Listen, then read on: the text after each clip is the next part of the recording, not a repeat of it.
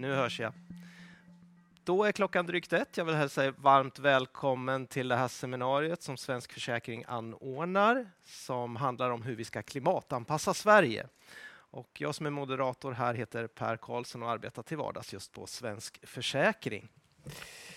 Eh, det här seminariet kommer handla om alltså hur vi ska klimatanpassa Sverige. Och det är ju så att de klimatförändringar som redan äger rum Eh, behöver vi eh, ta hänsyn till. Vi står alldeles i början av dess effekter. Men vi vet att de effekterna som drabbar oss nu, de kommer komma successivt och det att ha ett fullgott försäkringsskydd mot naturskador. Eh, e EU-kommissionen har också uppmärksammat frågan. De driver i dagsläget ett antal olika projekt just för att höja försäkringsgraden för naturskador. Men här hemma hos oss i Sverige, då handlar det snarare om att vi vill bibehålla det goda försäkringsskydd som vi har idag och slå vakt om det. Eh, vi kommer få ett antal intressanta presentationer här. Vi kommer eh, fördjupa oss när det gäller havsnivåhöjningar och skyfall och hur vi kan hantera de utmaningarna. Vi kommer också, som vi ser här på programmet, prata lite grann om den finansiella sektorns utmaningar kopplade till den här problematiken. Och vi kommer avsluta här med ett panelsamtal med flera riksdagspartier närvarande. Eh, men först ska det alltså handla då om havsnivåhöjningar och då är det så att vår egen klimatanpassningsexpert Staffan Moberg, varsågod Staffan, eh, du kommer först förklara för oss kortfattat de försäkringsmässiga problemen som ja. vi har att eh, hantera för att kunna behålla försäkring för naturskador. Så varsågoda, ha en kort introduktion. Ja, tyvärr är det så att det här goda skydd vi har kan bara gå åt andra hållet. Eh, så att det är svårt att förbättra någonting. Eh, men vi vill ju då behålla försäkringsskyddet och om man ska göra det så måste man börja klimatanpassa Sverige. Eh, det finns en del hot emot då, att vi kan behålla det här skyddet. ett, av dem är den försäkringsmässiga grunden och principen som man pratar om som heter plötsligt och oförutsedd skada. Vi kan inte försäkra sådant vi känner till kommer att inträffa. Eh, det måste vara någon form av slumpmässighet i var, var och när det sker. Men det blir så. Dessutom har vi redan idag ett undantag i alla försäkringsvillkor för dammgenombrott. Så är det någon av de stora dammarna, eller för den delen små också, som brister och det orsakar skador, då är det undantaget redan idag. Och står vatten upp mot en vall som skyddar och den brister, då skulle man nog kunna tolka det som att det är ett dammgenombrott. Så att, att lösningen att bygga vallar är bara en temporär lösning för befintlig bebyggelse knappast för eh, framtida bebyggelse. Utan det här måste man skydda på andra sätt. Och eh, det ska nu eh, Per Danielsson berätta mer om. Ja, och då vill jag hälsa dig Per välkommen upp här. Är det någon som vet mer om eh, detta så är det ju du, för du är nationell samordnare för stranderosion på Statens geotekniska institut. Och du ska förklara det här för oss lite ytterligare. Så varsågod, ordet är ditt. Tack så du ha. Eh, just det, jag jobbar på Statens geotekniska institut och jag jobbar med stränder och då är det stränder vid kusten och stränder i vattendrag och stränder i sjöar. Eh, där vatten möter land när det, när det sker erosion och översvämning och liknande. Så jag tänkte att eh, vi skulle fundera lite grann och prata lite grann på hur nära vatten ska man egentligen eh, bo och bygga. Eh, och vi hör ju sådana här eh, larmrapporter komma i nyheterna. Här har Rockström skrivit att vi har snart låst in oss i sju meters nivån och då pratar han om att till exempel hela Grönlandsisen har smält bort och, och hav, havsnivån har, har stigit. Och tittar vi på lite statistik då så brukar man säga att ungefär 120 meter och det tog ju några tusen år. Nu är vi på väg in liksom i samma med klimatförändringen, att det är avisning. Vi hör att Grönlandsisen smälter och Antarktis smälter och så vidare. Och eh, IPCC skickar ut rapporter, man pratar om att det är kanske en meter om hundra år och sen så har man gjort eh, så att man har gjort en prognos 300 år fram i tiden. Och då säger man att om vi följer en ganska gynnsam prognos så landar vi på kanske 2-3 meter om 300 år. Eh, är vi inte så lyckosamma så är det 5-6 meter och, och går det riktigt illa pratar ju IPCC om 15 meter om 300 år. Och det är ju dubbelt så mycket som, som Rockström pratade om när han pratade om de här sju meterna från Grönland.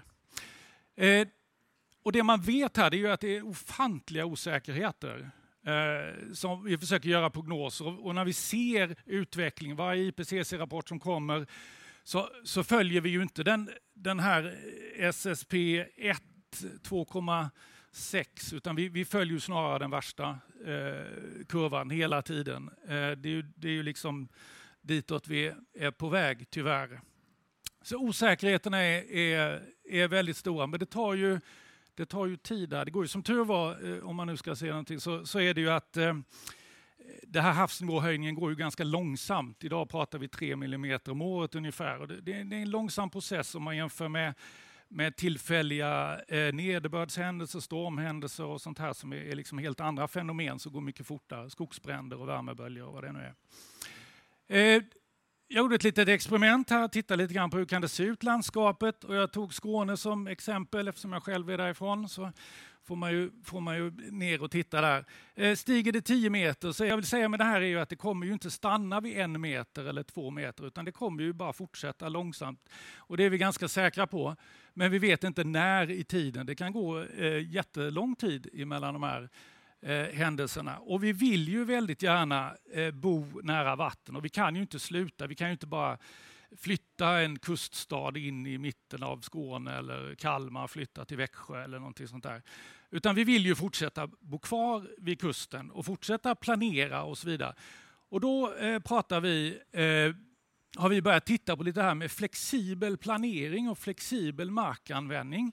Kan man om man är medveten om detta, att allt förändrar sig, kan man då planera och skapa samhällena så de är liksom flyttbara eh, över tiden? Så att vi, vi bygger kanske eh, parker närmst vattnet som sen kan svämmas över och sen så flyttar vi samhället långsamt bakåt. Vi håller på att testa det, eh, det här konceptet i ett forskningsprojekt som heter Koala, där vi testar något som heter dynamisk adaptiv planering eller Dynamic Adaptation Policy Pathways som är en, en eh, nederländsk modell man har tagit fram där för att kunna jobba med de här frågorna som översvämning och liknande. Där man tar eh, planeringshorisonter kanske med 20 år framåt, ungefär som våra översiktsplaner och sen ser man en, en viss, man kommer till en viss händelse och då säger man att nu får vi göra ett omtag, nu ändrar vi så att vi gör på det här viset istället. Eh, och så eh, jobbar man sig framåt då, inte, eh, man är beredd på att det förändrar sig hela tiden. Eh, det här gör vi tillsammans med KTH, SLU, SMHI och eh, Kalmar stad och sen har vi konstnärer med för att genom konsten förmedla det här ganska svåra och jobbiga budskapet till, till allmänheten att saker och ting kommer förändras, det inte blir så dramatiskt.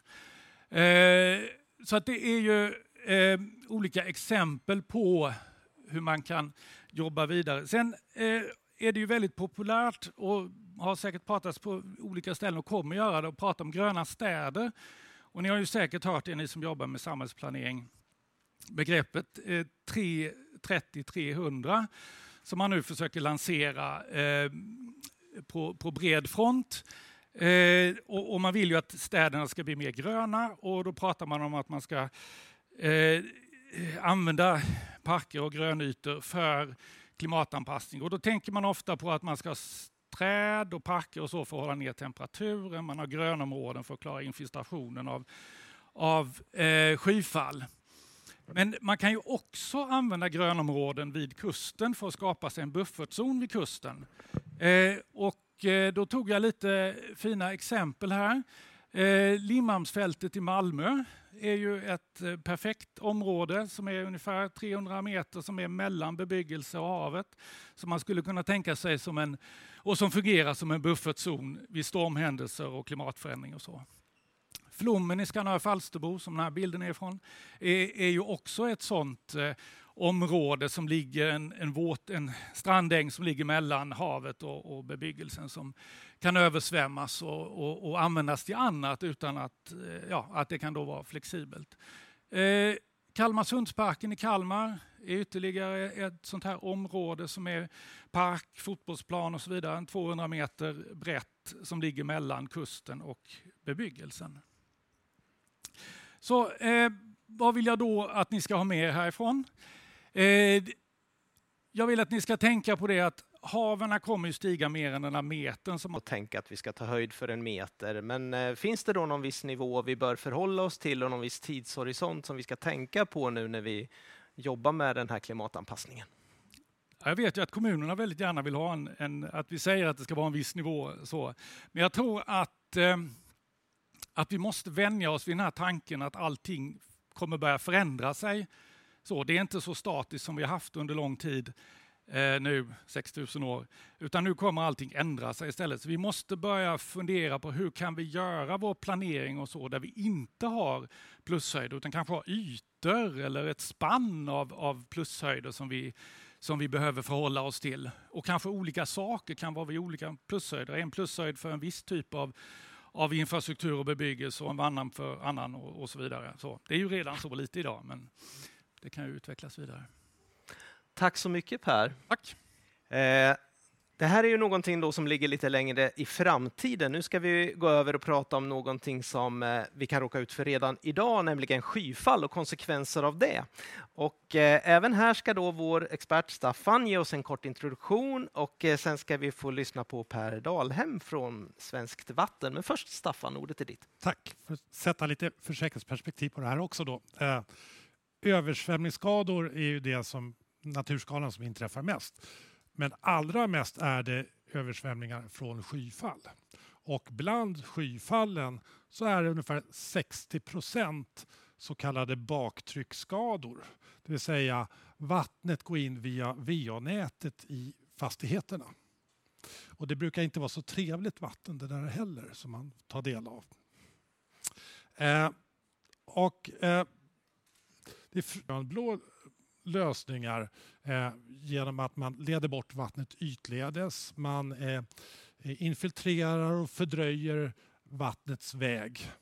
Men ett av problemen då med att göra detta det är att eh, VA-huvudmännen eh, är inte riktigt rådiga över att hantera eh, skyfallen ytledes. Eh, och kan man använda VA-taxan till exempel inom kommunen till att skydda VA-systemet från skyfallen genom att hantera det på ett annat sätt? Det ska vi nog få höra mer om. Tack så mycket Staffan. Nästa ja, Då vill jag hälsa dig Per välkommen. Det är många som heter Per här idag, men jag tror vi ser skillnad på oss i alla fall. Eh, ja, ska, du ska närmare beskriva för oss hur vi möjligen kan hantera de här problemen då som eh, Staffan precis har beskrivit, om det går att hantera dem. Varsågod. Ja, precis. Det hade varit fiffigt om jag hade en riktigt bra lösning på det här. Det kanske jag inte kan utlova. Eh, föregående Per, han, han, beskrev ju vattnet som eh, på något vis kommer, om inte underifrån så i alla fall trycks mot oss via havsnivåhöjning. Eh, det här är ju vatten som, eh, som kommer ovanifrån skyfall då och ofta ganska plötsligt. Eh, 2021, var befann ni er då någonstans i livet? Det är knappt någon som kommer ihåg, men eh, eh kanske, ja, Eh, Gävle eh, så skedde en, eh, en eh, ganska stor översvämning och nu är jag lite osäker eh, här så Staffan kommer få hjälpa mig alldeles strax. För regnar imorgon ett tusenårsregn, för det kan inträffa, så kommer det vara nya 1,6-1,1 miljarder. Eh, och som i Gävle då, så, och Staffan var lite grann inne på det, så då började man, det var ju då folk som fick avloppsvatten i källaren, väldigt otrevligt. Eh, och då börjar man tänka, ja, det här måste ju vara VAs fel. Alltså det kommer ju upp eh, avloppsvatten genom min toalett. Rimligen så är det VA eh, som inte har skött sig.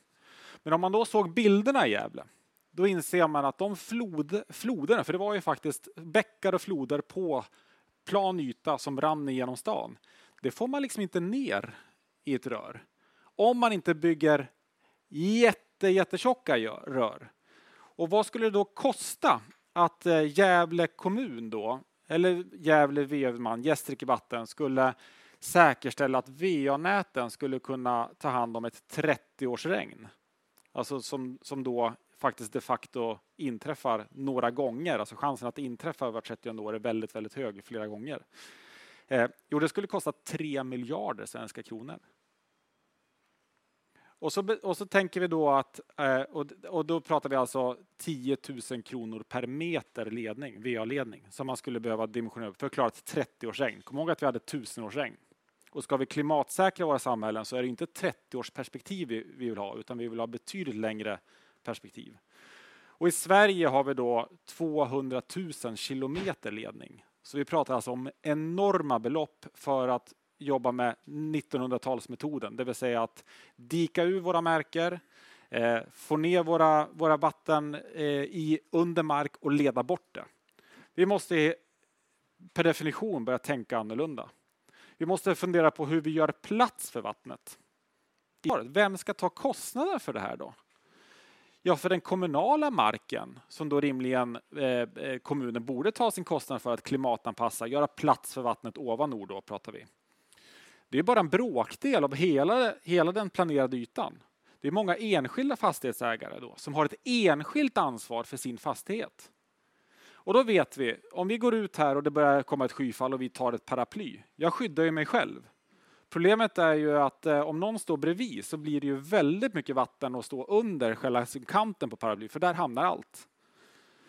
Så det räcker liksom inte med att den enskilde gör åtgärder på sin fastighet eller att VA-huvudmannen gör åtgärder upp till tio år, utan det här handlar verkligen om ett samverkansansvar mellan enskilda fastighetsägare, kommunens eh, liksom roll, det offentligas roll i det här och VA-huvudmannen. Och här tror jag att vi har liksom någonting att fundera på. Om vi ska liksom lösa det här framåt så tror jag att dels så måste faktiskt fastighetsvärdet ibland avspeglas, eller klimatrisken avspegla sig i fastighetsvärdet. För som enskild fastighetsägare så, så skulle jag säga att det blir väldigt liten ökning av fastighetsvärdet om jag eh, väljer att vidta klimat, eh, liksom, klimatanpassningsåtgärder. Man är inte villig att betala en miljon mer för en villa bara för att de har fixat sin dränering till exempel. Tror jag. Inte många i alla fall. Så det är det ena.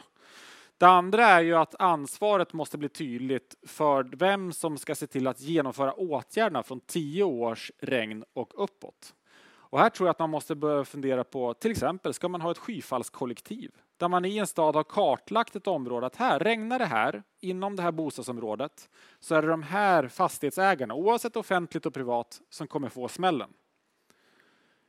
Då går det ju för avloppsvatten så kan ni fundera lite grann på dels hur ser mina egna ledningar ut på tomten? Ni kan eh, faktiskt vara på kommunen och säga att har ni skyfallsanpassat upp till tio år, eh, alltså VA-huvudmannen.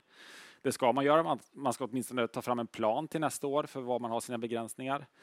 Men se till att faktiskt försöka börja med den här samverkan. Ta initiativ till kommunen. Kräv att ni har samråd, att ni ska diskutera på, på, på bostadsnivå eller kvartersnivå. För det är det som kommer eh, behövas i slutändan. Eh, jag tänker att jag stannar där så länge.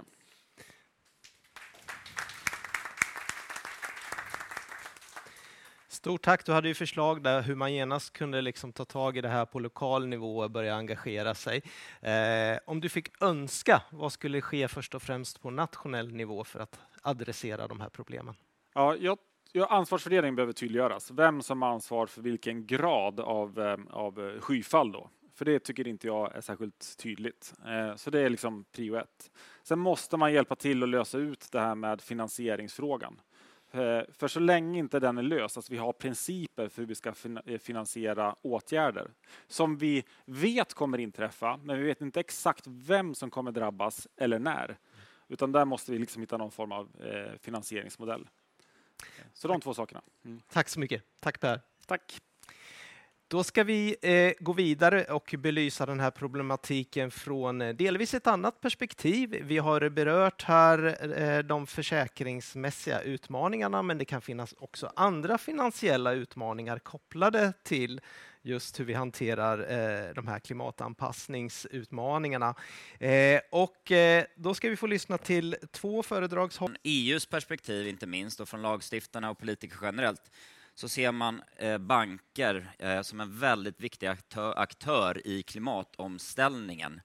Eh, man vill att bankerna ska se till att finansiera saker och ting som är hållbart, men också att man ska hantera klimatrisker på ett helt nytt sätt än vad man har gjort tidigare.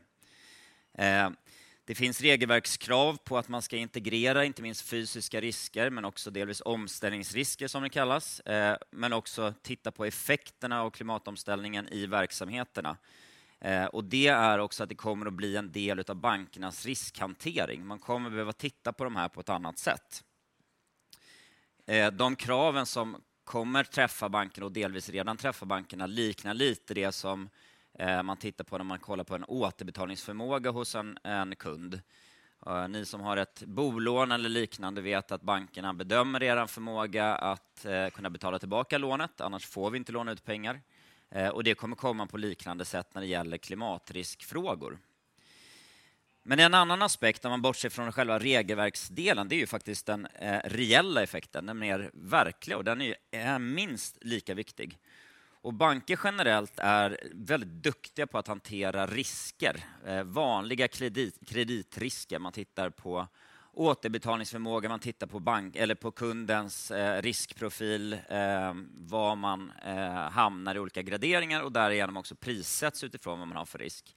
Klimatrisker som kommer in är ju en annan typ av risk på ett sätt. Även om man kan säga att det är en kreditrisk, för det någonstans handlar om kommer banken kunna få tillbaka pengarna för det fall att kunden inte betalar. Men det är en fråga som är betydligt mer komplex. Det är oftast längre tidsperspektiv. Vi hörde den ena Per här prata innan om att eh, havsnivån höjs med. Eh, och det behöver man göra för att titta på och kunna hantera de här riskerna.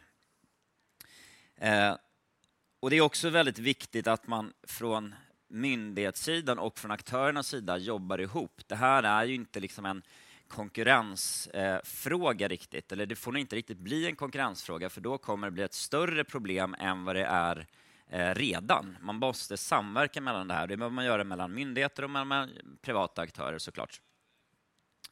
Eh, därför att utmaningen är ju att veta liksom exakt var någonstans ett extremväder kommer inträffa till exempel. Man kan se på vilka riskområden som finns, man kan titta på det, men det kommer vara väldigt svårt att kunna spesa var någonstans exakt kommer det här hända. Och vad får det här då för påverkan för eh, kunderna, för konsumenter, för företagare? Eh, det är ju så här att det finns vissa lagkrav eh, och vi pratar ju om försäkringar och det är Svensk Försäkring som är här för idag så att det är en, en försäkringsriktning eh, på det här. Men om det är så eh, att man inte har en tillräcklig försäkring på sin bostad till exempel, då eh, finns det lagkrav att vi får inte låna ut pengar till den. Eh, och om det här kommer bli, om det blir, vi pratade, hörde innan när Staffan pratade om att det är Eh, det ska vara oförutsedda händelser, plötsliga händelser eh, som man kan försäkra. Och är det så att man kommer i ett längre perspektiv se att nej men det här är inte längre oförutsedda händelser, man kan inte säga att det här är plötsliga händelser, då kommer man inte kunna få en försäkring, i alla fall inte på samma villkor med samma omfattning som man kunnat få tidigare. Och har man inte en tillräckligt bra försäkring så kommer du kanske inte kunna få ett lån för banken eh, och du kommer i vart fall få en dyrare finansiering än vad du fått tidigare. Eh, därför att banken, eh, dels så får vi inte göra det eh, utifrån ett lagperspektiv, utifrån viss typ av finansiering. Och Per, det är väldigt enkelt att det är så många Per här idag, så jag kan säga Per bara så kommer någon ha sagt det. Ja. Men men att, att, att man eh, behöver anpassa samhälle, städer och de enskilda fastigheterna utifrån det här. Det kommer också få en påverkan på värderingen, precis som Per var inne på också, att titta på det. Eh, får du en sämre värdering på din fastighet så kommer det också få en påverkan på den prisbilden du har.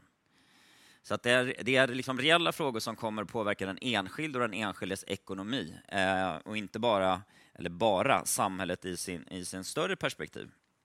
Men det är väldigt viktigt att ta frågorna på allvar. Eh, politiker behöver ta dem på kanske större allvar än man gjort, även om vi har sett att det, det finns en ranking i den här broschyren, eller publikationen som finns en som säkert kommer delas ut där man kommer att eh, visa på att kommunen har gjort vissa saker. Ja.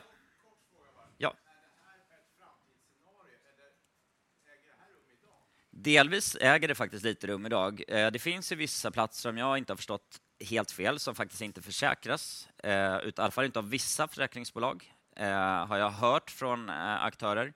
Ehm, och i de fallen det faktiskt är idag så är det ett reellt problem idag. Men jag tror att det kommer vara ett än större problem i ett längre perspektiv. Ehm, och det är därför det är viktigt att vidta åtgärder för att faktiskt hamna kunna undvika den här stora risken. Uh, inte idag skulle jag säga på det sättet, har vi inte. Men däremot så tittar vi på det utifrån ett eh, mer utifrån ett portföljperspektiv. Var har vi våra risker någonstans? Eh, och vad behöver vi göra åt de riskerna? Det är någonting som vi fokuserar mer på. Inte stora eh, eh, extremväderhändelser som leder till väldigt stora förluster. Då kan det i sin tur också få en, en oro på den finansiella marknaden i sin helhet. Och Det är därför också som man från tillsynsmyndigheten och från lagstiftarna är betydligt mer på de här frågorna nu än vad man varit tidigare. Därför att det är någonting som faktiskt skulle kunna, eh, om man inte gör någonting, skulle kunna få eh, den finansiella marknaden i en viss oro. Så det är en finansiell stabilitetsfråga också. Och Det är därför som våra tillsynsmyndigheter, både Riksbanken, Finansinspektionen, Riksgäldskontoret har de här eh, aspekterna utifrån ett klimatperspektiv mer på sin agenda idag eller inte. För det skulle i sin tur såklart få en stor påverkan på hela realekonomin också. Eh, det hänger ju väldigt nära ihop. Eh, men så avslutningsvis, eh, det är ett nytt medvetande skulle jag säga om de här riskerna. De är svåra för banker att förutse. Eh, man blir bättre och bättre skulle jag säga, men det är fortfarande väldigt komplext. Det är inget som man klarar själv på sin egen bank. Jag vet att vissa banker anställer helt andra kompetenser än vad man gjort tidigare för att kunna bedöma typen av klimatrisker. Och det tror jag vi kommer se än mer av framöver. Men det är också viktigt att samhället, myndigheter, företag och liknande agerar tillsammans och samordnat, precis som både Per och Per var inne på tidigare också, för att inte den enskilde ska drabbas onödigt hårt utav någonting. Eh, även om man såklart som enskild också behöver vara medveten om vad är det för hus jag köper och hur kommer det här se ut om fem år? Eh, ska jag köpa någonting nere på Falsterbo eller ska jag inte göra det till exempel? Eh, men så att identifiera riskområden, vita anpassningar är väl medskicket från banksidan tror jag. Matresiliensdeklarationer och du som forskare på RISE vet jag har varit väldigt engagerad i den frågan. Så välkommen att berätta mer för oss vad det här egentligen innebär. Ja, tack så mycket. Och det här är ju ett arbete som vi gjort inom ramen för ett projekt där vi har haft med Svensk Försäkring, ett antal försäkringsbolag, banker, både stora och små, eh, länsstyrelser, olika intresseorganisationer, Villaägarna, Mäklarförbundet, eh, eh, Konsumenternas bank och försäkringsbyrå och även då utifrån erfarenheterna som vi hade då Gävle kommun också. Eh, och det här var ju med bakgrund av det som hände i Gävle som liksom, vi var flera olika aktörer som kände att vi behöver göra någonting, vi behöver göra något nytt, vi behöver testa nya grepp. Och Det vi såg i Gävle var ju också att fastigheter drabbades väldigt olika. Alltså längs med samma gata så kunde vissa fastigheter få en källare översvämmad och stora skador medan något annat hus jag fick gräsmattan och trädgården förstörd men inte så mycket mer än så. Ehm, och då kommer frågan upp att vi behöver liksom inte bara titta på områden, ja men Kristianstadsområdet, eh, delar av Vellinge kommun eller Mälardalen, utan säga så här, på fastighetsnivå, vilka fastigheter är det som faktiskt är drabbade? Eh, och då inte bara titta så att säga, på de hoten som är mot en enskild fastighet, utan också titta på till exempel då byggnaden. Vad är det för typ av material i den byggnaden? Finns det källare, ja eller nej? Hur högt upp ligger golvnivån och så vidare, om vi då tar vattenperspektivet. Och man ska komma ihåg att det här arbetet som görs inom banksektorn och även i många större företag nu mot bakgrund av nya EU-lagstiftningar, det är, ju en bredd av naturrelaterade risker som man behöver ta hänsyn till. Eh, så det här är ju bara en del det vi pratar nu med vatten. Ehm, och det vi har gjort är att vi har tittat på det här konceptet som finns idag, eller det är ett verkligt eh, system idag med energideklarationen, ehm, där man har ett ATG-betyg för, eh, för att bestämma premierna. Då och veta då till exempel hur högt upp är det här så att man kan stoppa, hur högt upp är golvnivån till exempel. Finns det källare? Ja, nej. Och så att man kan få in de uppgifterna i sina beräkningar. Ehm, men även en sån enkel sak som en, en fastighetsköpare, om du så är en kommersiell fastighetsägare eller om det är en enskild villaägare, så att när man får sitt prospekt att man får en hint om är det här en fastighet som är utsatt eller inte. För det är inte så att en vanlig enskild privatperson kan sitta och ringa VA-huvudmannen och ta reda på dimensioner på rör och allt det här. Det blir, liksom, det blir för svårt för en enskild. Utan man behöver någonting som är enkelt och begripligt för att förstå ungefär var på skalan ligger jag. Ehm, och det här kan ju också då ge incitament för enskilda fastighetsägare att antingen själv vidta åtgärder för att förbättra sin klassificering inför en försäljning eller långsiktigt eh, där man ska bo där och i dialog med bank och försäkringar och så. Men också att man då kan ha ett, ett underlag. Det finns ju vissa brister i lagstiftningen att gå ihop och göra åtgärder tillsammans med, med eh, fastighetsägare. Men Ehm, om man skulle kunna visa på det värdet som finns, den nyttan som finns med att vidta en åtgärd, så är det lättare att, så att säga, både i dialog men också med annan lagstiftning i framtiden kanske kunna vidta åtgärder tillsammans, bygga en vall, dika ur någonstans eh, för att det där ska fungera bättre. Men även andra aktörer såsom kommuner som då kan få en bild av var i kommunen har vi flest fastigheter som är utsatta och, och då kunna grotta i varför och vad kan vi göra som kommun för att underlätta. Så det här är ett, vi har en rapport på ämnet som man kan ladda ner. Om ni googlar mitt namn så tror jag ni hittar den. Eh, men det viktigaste här från min sida är ju liksom att vi behöver göra någonting i samhället och brett. Och det som, en av de här stora slutsatserna som vi har från det här projektet är att det behövs lagstiftning till. Det här är ingenting som liksom de här branschaktörerna kan lösa helt och hållet själva utan det skulle behöva ett politiskt initiativ och väldigt gärna ett EU-initiativ. För om vi tar banker, verksamma i flera länder, de behöver redovisa sina klimatrelaterade risker. Ja, och det är på väldigt liksom, skiss och konceptnivå. Eh, men vi har tagit fram en modell då med en trestegsraket då, så att säga, där man först väldigt förenklat baserat på den data som finns som fastigheter ska ge en indikativ bedömning, grönt, gult, rött. Eh, och det syftar delvis till att aktörer såsom banker snabbt ska kunna få ett hum, eh, men framför allt att man ska ha ett sållningsinstrument. För om man ska göra en sån deklaration med fastigheter, då är det ingenting man kan bara sitta och slå i ett dataregister och så lösa ut. Man, framförallt med det befintliga beståndet så kommer man behöva åka ut och titta. Energideklarationer bygger på att ha en oberoende expert som åker ut och tittar. Och det här är ju liksom 10, 15, 20 år innan man har gått igenom hela fastighetsbeståndet. Då behöver man liksom fundera på var ska vi börja någonstans? Och då är tanken att ha liksom ett, ett relativt system där fler och fler fastigheter med tiden blir röda flöda så att man har liksom ett, ett, ett, ett, ett rimligt flöde så att man liksom inte börjar med de säkraste fastigheterna. Det har ju eh, framgått här att, att både försäkringsgivare och långivare kan vara intresserade av den här typen av instrument. Men finns det andra aktörer som också har visat intresse? Jo, men alltså, det är den här liksom stora bredden av aktörer, att alla behöver inte uppfinna hjulet. Alltså, hur, ska man som, hur ska man som enskild eh, fastighetsägare veta vilken risk man har egentligen?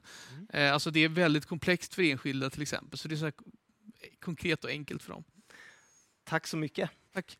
Eh, och när det gäller eh, om det finns ett politiskt önskemål om att göra något sådant så kommer vi kanske snart alldeles strax få svar på den frågan. För nu ska vi nämligen gå över till att ha en diskussion och en eh, paneldebatt kring hur vi ska få igång det här arbetet med klimatanpassning och de åtgärder som vi har diskuterat här idag.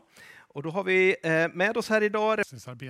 Och eh, vi ser ju att det är väldigt många kommuner som fortfarande har långt kvar och framförallt är det små kommuner med små resurser. Eh, de behöver liksom få en, få en stärkt hjälp att arbeta med de här frågorna.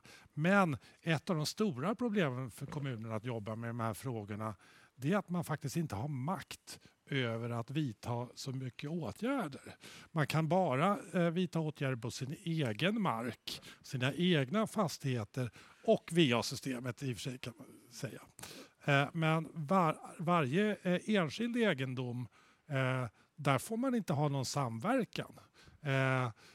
risken är då om kommunen går in och hjälper någon enskild, ja då strider det mot kommunallagens likställighetsprincip för då kanske man, värdet på den fastigheten helt plötsligt stiger för att de är skyddade.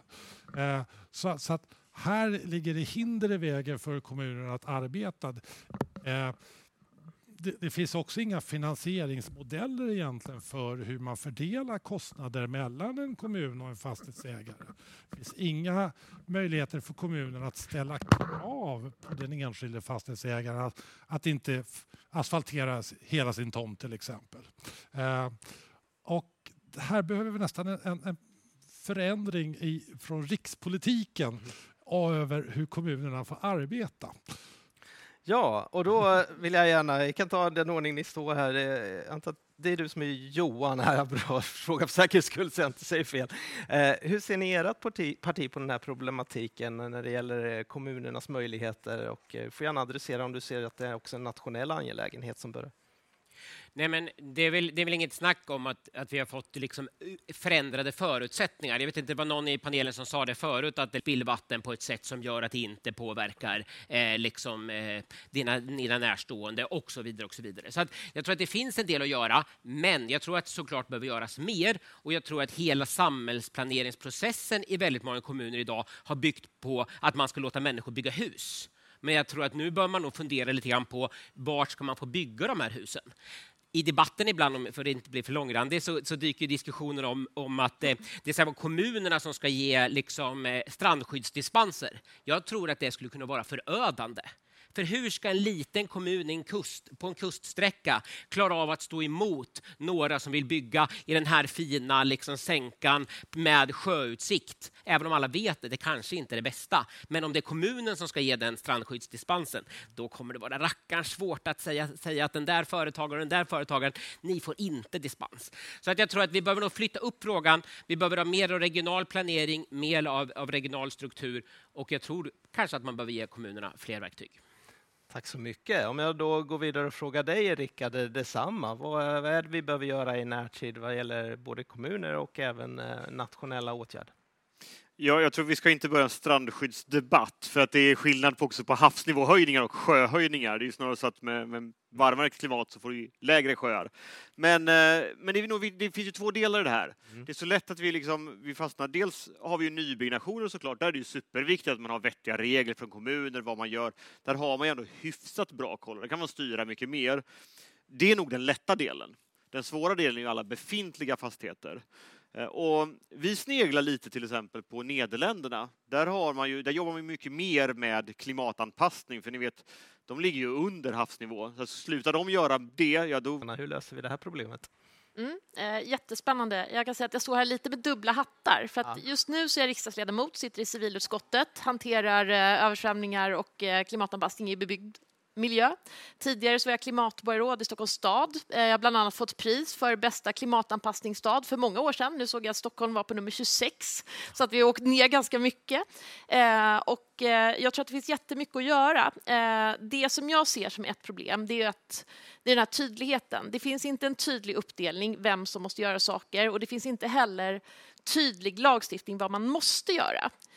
Och det innebär att man inte behöver sätta igång, man kan prioritera ner frågan. Och jag tror att väldigt många har väntat ganska länge nu med att påbörja någonting, för det här är en fråga som politiskt så vinner man inte så mycket på att göra någonting som inte syns. Det är bättre att göra en förändring som man kan peka på än att förebygga någonting som kommer hända i framtiden. Så att det är väldigt lätt att skjuta upp den här frågan om man inte måste göra.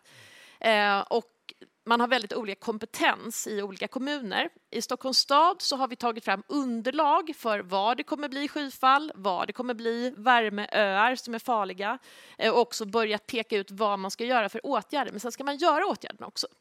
Eh, och det kostar jättemycket pengar. Eh, och det är ett problem. Vi har stora kommuner som har mer pengar och större muskler. Vi har också mindre kommuner som har lite pengar, men det är lika dyrt att göra de här åtgärderna egentligen var man än sitter. Eh, och då är det så att när det är en oklar ansvarsuppdelning och man ska göra en väldigt dyr åtgärd, då vill man gärna peka på någon annan som ska göra det här. Många pekar på VA-bolaget och tycker att det här är ju en VA-fråga, eh, men kunna också lägga kanske en extra del. Idag har vi avfall, vi har vatten och avlopp, men man kanske skulle ha en dagvattentaxa också som skulle kunna hjälpa till att finansiera som en åtgärd man skulle kunna föra in. Ja, visst, tack. Jag ser Staffan, du är sugen på en replik här. ja, alltså replik mer, ja. allmänt. Men, men eh, vi, vi ser ju att, att i stort sett varenda kommun med en hamn låter bebygga den här hamnen idag. Eh, och, och, det är ju väldigt mycket, det blir attraktivt läge. Eh, de som har råd att bosätta sig i den här nyproducerade lägenheten har en bra inkomst vilket innebär en bra inkomst i, skattemässigt för kommunen. Så att eh, man väljer ju att ta det här beslutet att bebygga hamnarna som kommer vara utsatta i framtiden. Och en ny bebyggelse ska stå där minst 100 år, säger man.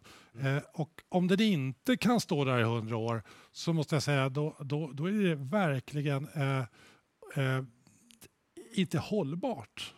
Alltså det, det, om vi ska tänka på hållbarhetsperspektiv, vilket jag måste säga man mest diskuterar egentligen inte så mycket klimatanpassning så borde man ju också faktiskt avstå från att bygga. Men hur får man det till stånd? Jag tänkte också på det Johan, du var ju inne på att det kan vara alldeles för frestande för kommunerna att bevilja och upplåta mark i den här typen av områden. Eh, hur ska vi komma åt det då, om det nu görs eh, eh, på ett sätt som riskerar att vi får värre problem? Ja. Nej, men, nej, men alltså, det, och det är väl det här som är den stora utmaningen, att vi har ju ändå riksdagen har ju avhänt sig liksom planmonopolet till kommunen eh, och det tror jag ändå är någonting som är bra. Men däremot så är ju, vilar det ett ganska stort ansvar för att bygga stora kulvertsystem. Jag tror definitivt att vi skulle behöva lägga in dagvattenfrågan i liksom kollektivet i mycket större utsträckning. För att varför inte? Vi, I Linköping har vi en jättediskussion nu om, om att gräva ner en å. Ja, det är bra, men den kulverten som behövs för att gräva ner den där eh, ån, den kommer inte vara nådig. Liksom. Och, ja, Ehm, så. Och då behöver man åtminstone orka ta de frågorna. Det är ju lätt att beskriva problemet, eh, men det är lite svårare att formulera de konkreta åtgärderna. Vi hörde här att vi använder oss fortfarande av 1900-talsfilosofi när det gäller att avleda vatten. Vi behöver tänka ytledes. Vad vill ni konkret eh, göra för att eh, hantera de här problemen nu som ni samtliga beskriver?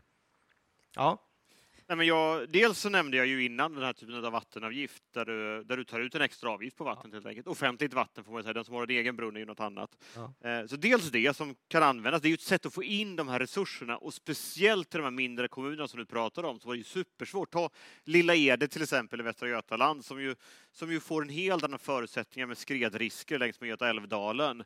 Det kommer de aldrig kunna ta själva. Och, det, och där har man inte där byggde man ju i god tro någonstans. De som idag bygger i, i ond tro mot bättre vetande, där får man ju lite skylla sig själv faktiskt. Det tycker jag på ett helt annat sätt. Men de som har byggt, som inte visste, ja, där måste staten hjälpa till. Och kan det vara en del? Vi jobbar ju mycket, alltså det här gröna avdraget som finns för solceller och annat, där finns det ju jättemycket man skulle kunna nyttja bättre också. Till vattenåtgärder på olika sätt, skulle kunna komma in i, i det här också på olika smarta sätt. Och det andra, eller det sist, tredje, är ju egentligen att Lite det som Johan är inne på, men det kanske ännu konkretare. Vi behöver ju sätta, på samma sätt som vi sätter byggregler för energi, så finns det ju möjlighet för staten att sätta byggregler när det kommer till, till klimatanpassning och vattennivåer. Ja. Det är ju fullt möjligt och det borde vi inte avhända. Och det är jättedyrt att åtgärda. Och där kanske man också borde sätta en lagmässig nivå på att okej, vi vet att när havet har kommit så här långt, då, då måste vi börja planera eh, oavsett liksom, tidsrymd. För jag tänker, i Stockholm har vi Slussen som ett stort klimatanpassningsprojekt att kunna släppa ut Mälaren till havet när den översvämmas. Mm. Det tog ju 20 år bara att kunna sätta igång och börja sätta spa spaden i marken och bygga, eller 30 år kanske, den diskussionen. Om man nu pratar om att bygga vallar ute vid eh, Vaxholm till exempel för att hålla emot havet och göra något innerhav det kommer inte ta 20 år att få det klart. Så jag menar, vi måste ju veta när vi ska sätta igång de åtgärderna och där kanske vi måste vara mycket tydligare med att man får inte vänta, för det går inte att sätta nästa regering eller nästa regering, att någon annan får lösa frågan, för till slut kommer det vara för sent. Precis. Jag ska strax ge ordet till dig Johan, får bara skicka in en frågeställning här. Eh, den statliga myndigheten Boverket, eh, eller Boverket eh, har ju idag egentligen inget uppdrag att motverka egendomsskador, utan det ställs krav på liv, hälsa, miljö. Borde inte även Boverket ha i uppdrag att just verka för att minska egendomsskador eh, som en fråges konkret frågeställning? Nej men, nej men och det, är det, så, det, det, det uppdraget som, som Boverket har, eh, det kom ju ändå en lagstiftning där man hade en klimatanpassning av, av plan och bygglagen och det innebär ju ändå en, en, liksom en uppskärpning. Eh, och, och, där är, men, men det är som du säger, det handlar ju väldigt stor utsträckning om samhällsplanering, det vill säga det är liksom samhället och kommunens ansvar. Eh, jag tycker ju där, jag tycker det förslag som Niklas lyfte upp förut är lite intressant, för jag tror att man som fastighetsägare eh, behöver ta ett lite, åtminstone varför... resultatet av vår klimatranking och det är ganska uppenbart att just drabbade kommuner satsar mer på de här frågorna. Det är ganska självklart, men vi är väldigt reaktiva. Hur ska vi gå från att vara mer proaktiva? Ja, Katarina? Nej, men jag tror verkligen att eh, det behövs skärpt lagstiftning. I, idag att man inte ens har krav på att man måste peka ut både värmerelaterade risker och vattenrelaterade risker och faktiskt eh, bestämma när man ska göra åtgärderna. Det, det behövs verkligen att man vet vad som ska hända. För jag tror att man har för dålig kunskap i väldigt många kommuner och eh, så länge det inte är lag eh, och eh, en stark tydlighet i att man måste göra det här så kommer man kunna skjuta på det i många kommuner och då, då kommer det hända saker när det regnar. Just det. Ja. Men man, må, man måste nog också samtidigt hjälpa kommunerna tror jag. Det räcker inte bara att säga att det här är lagstiftningen, anpassa er efter det, utan man behöver nog hjälpa dem att komma dit också, både med kunskap och resurser. Och sen har vi ju fantastiska möjligheter i de här kommunala klimat och energirådgivarna. Som ju, där finns det ju en möjlighet och en, och en väg in, inte minst till privatpersonerna, som vi nog kunde nyttja mycket bättre tror jag också, för att inte bara då tänka reducerade utsläpp utan också anpassningar. För vi kommer ju behöva anpassa oss, det är ju otvetydigt. Ja. Och då kanske vi borde nyttja de strukturer vi har betydligt bättre. Och där kan man ju också bara säga att den här uppdelningen som vi har på massor med olika myndigheterna gör det ju inte enklare att få hjälp. Johan? Och, och ett kort tillägg, och jag tror att, och jag tror att vi är ganska överens om, om det här. Och jag tror att det är så att det har ju funnits en diskussion om att man behöver jobba med regional planering på ett antal samhälls liksom, viktiga områden. Och här kanske är, är faktiskt ett av områdena som också kan, skulle kunna pekas ut. Eh, vi, vi, det finns ju diskussion om både att vi måste ha en fungerande liksom, energiöverföring, det måste finnas liksom, en, en analys över vad som är olika känsligheter och klimatfrågan kanske också en sak där det är bättre att ha en regional planering. För jag tror att kommunerna på vissa ställen inte orkar. Mm. Utan det är bara-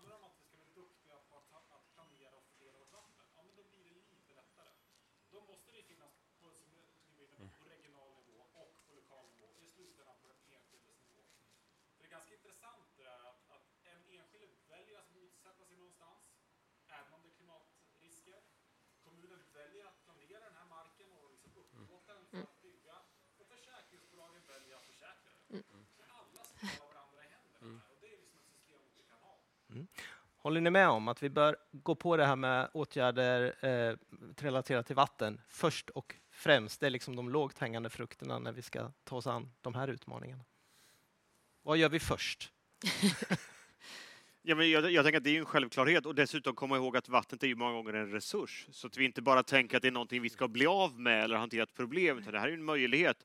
Och speciellt så som vi ser det så kommer det antingen komma mer vatten men vid färre tidpunkter och då blir det ännu viktigare att både hantera dimensionen på det men också se det som en resurs vi kan använda i nästa steg så vi inte bara liksom blir av med problemet. Ja, och rent pedagogiskt är ju också vatten ganska enkelt för människor att förstå. Man har en slags känsla för vatten. Så att ja, det, på så sätt är det bra. Ja, Staffan? Jag vi bygger ju idag in eh, system gen- genom att vi leder bort vattnet via VA-systemet istället för att infiltrera det. Vilket bland annat leder numera till att det blir sättningar i husen till följd av att grundvattennivån sjunker. Så kan vi börja ta hand om det precis som du säger att vi infiltrerar och, och använder de här grönblå lösningarna så, så får vi ett mer resilient samhälle faktiskt ur det här perspektivet. Ja, men alltså, återigen så är det väl så att vi behöver ju tänka mer cirkulärt och även på vattensidan behöver vi tänka, mer cirkulärt. Vi har ju aldrig behövt diskutera. Vi skrattar väl åt spanjorerna här för 10-15 år sedan när de hade problem med sitt... Johan? Jag vet inte riktigt. Eh, jag vet inte hur, hur syrlig man ska vara, men eh, jag är glad att det kommer en produkt. Eh, och i, i nästa steg så är jag glad att eh, den produkten innehåller någon typ av ambitionshöjning. Eh, förlåt, men det är på den nivån jag känner. Ja, om man då ska skicka den passningen kanske aningen tillbaka så satt jag och förhandlade den befintliga klimathandlingsplanen. Det var ju inte jättelätt att få igenom klimatanpassningsåtgärder kan man väl säga eh, med det styret som fanns då. Eh, Men jag skulle vilja se ett större statligt ansvar, mer hjälp till de små som har, som har det svårt, en finansiering som är över tid. Då behöver man hitta en sån finansieringslösning. Vi har ju lagt fram ett förslag, det kan säkert finnas annat. Och också hjälp till de enskilda. Där, enskilda personer, småhus och annat. Det behöver inte bara vara i städer. Vi fastnar så lätt i att tänka att det är hårdgjorda ytor i städer som är de enda som kommer att ha problem. Men det finns jättemånga på landsbygden som också behöver hjälp på olika sätt. Och då kanske man kan nyttja gröna avdraget exempelvis. Tack, många bra idéer. Tack Katarina, tack Rickard, tack Johan och tack Staffan. En applåd. taca, taca, taca.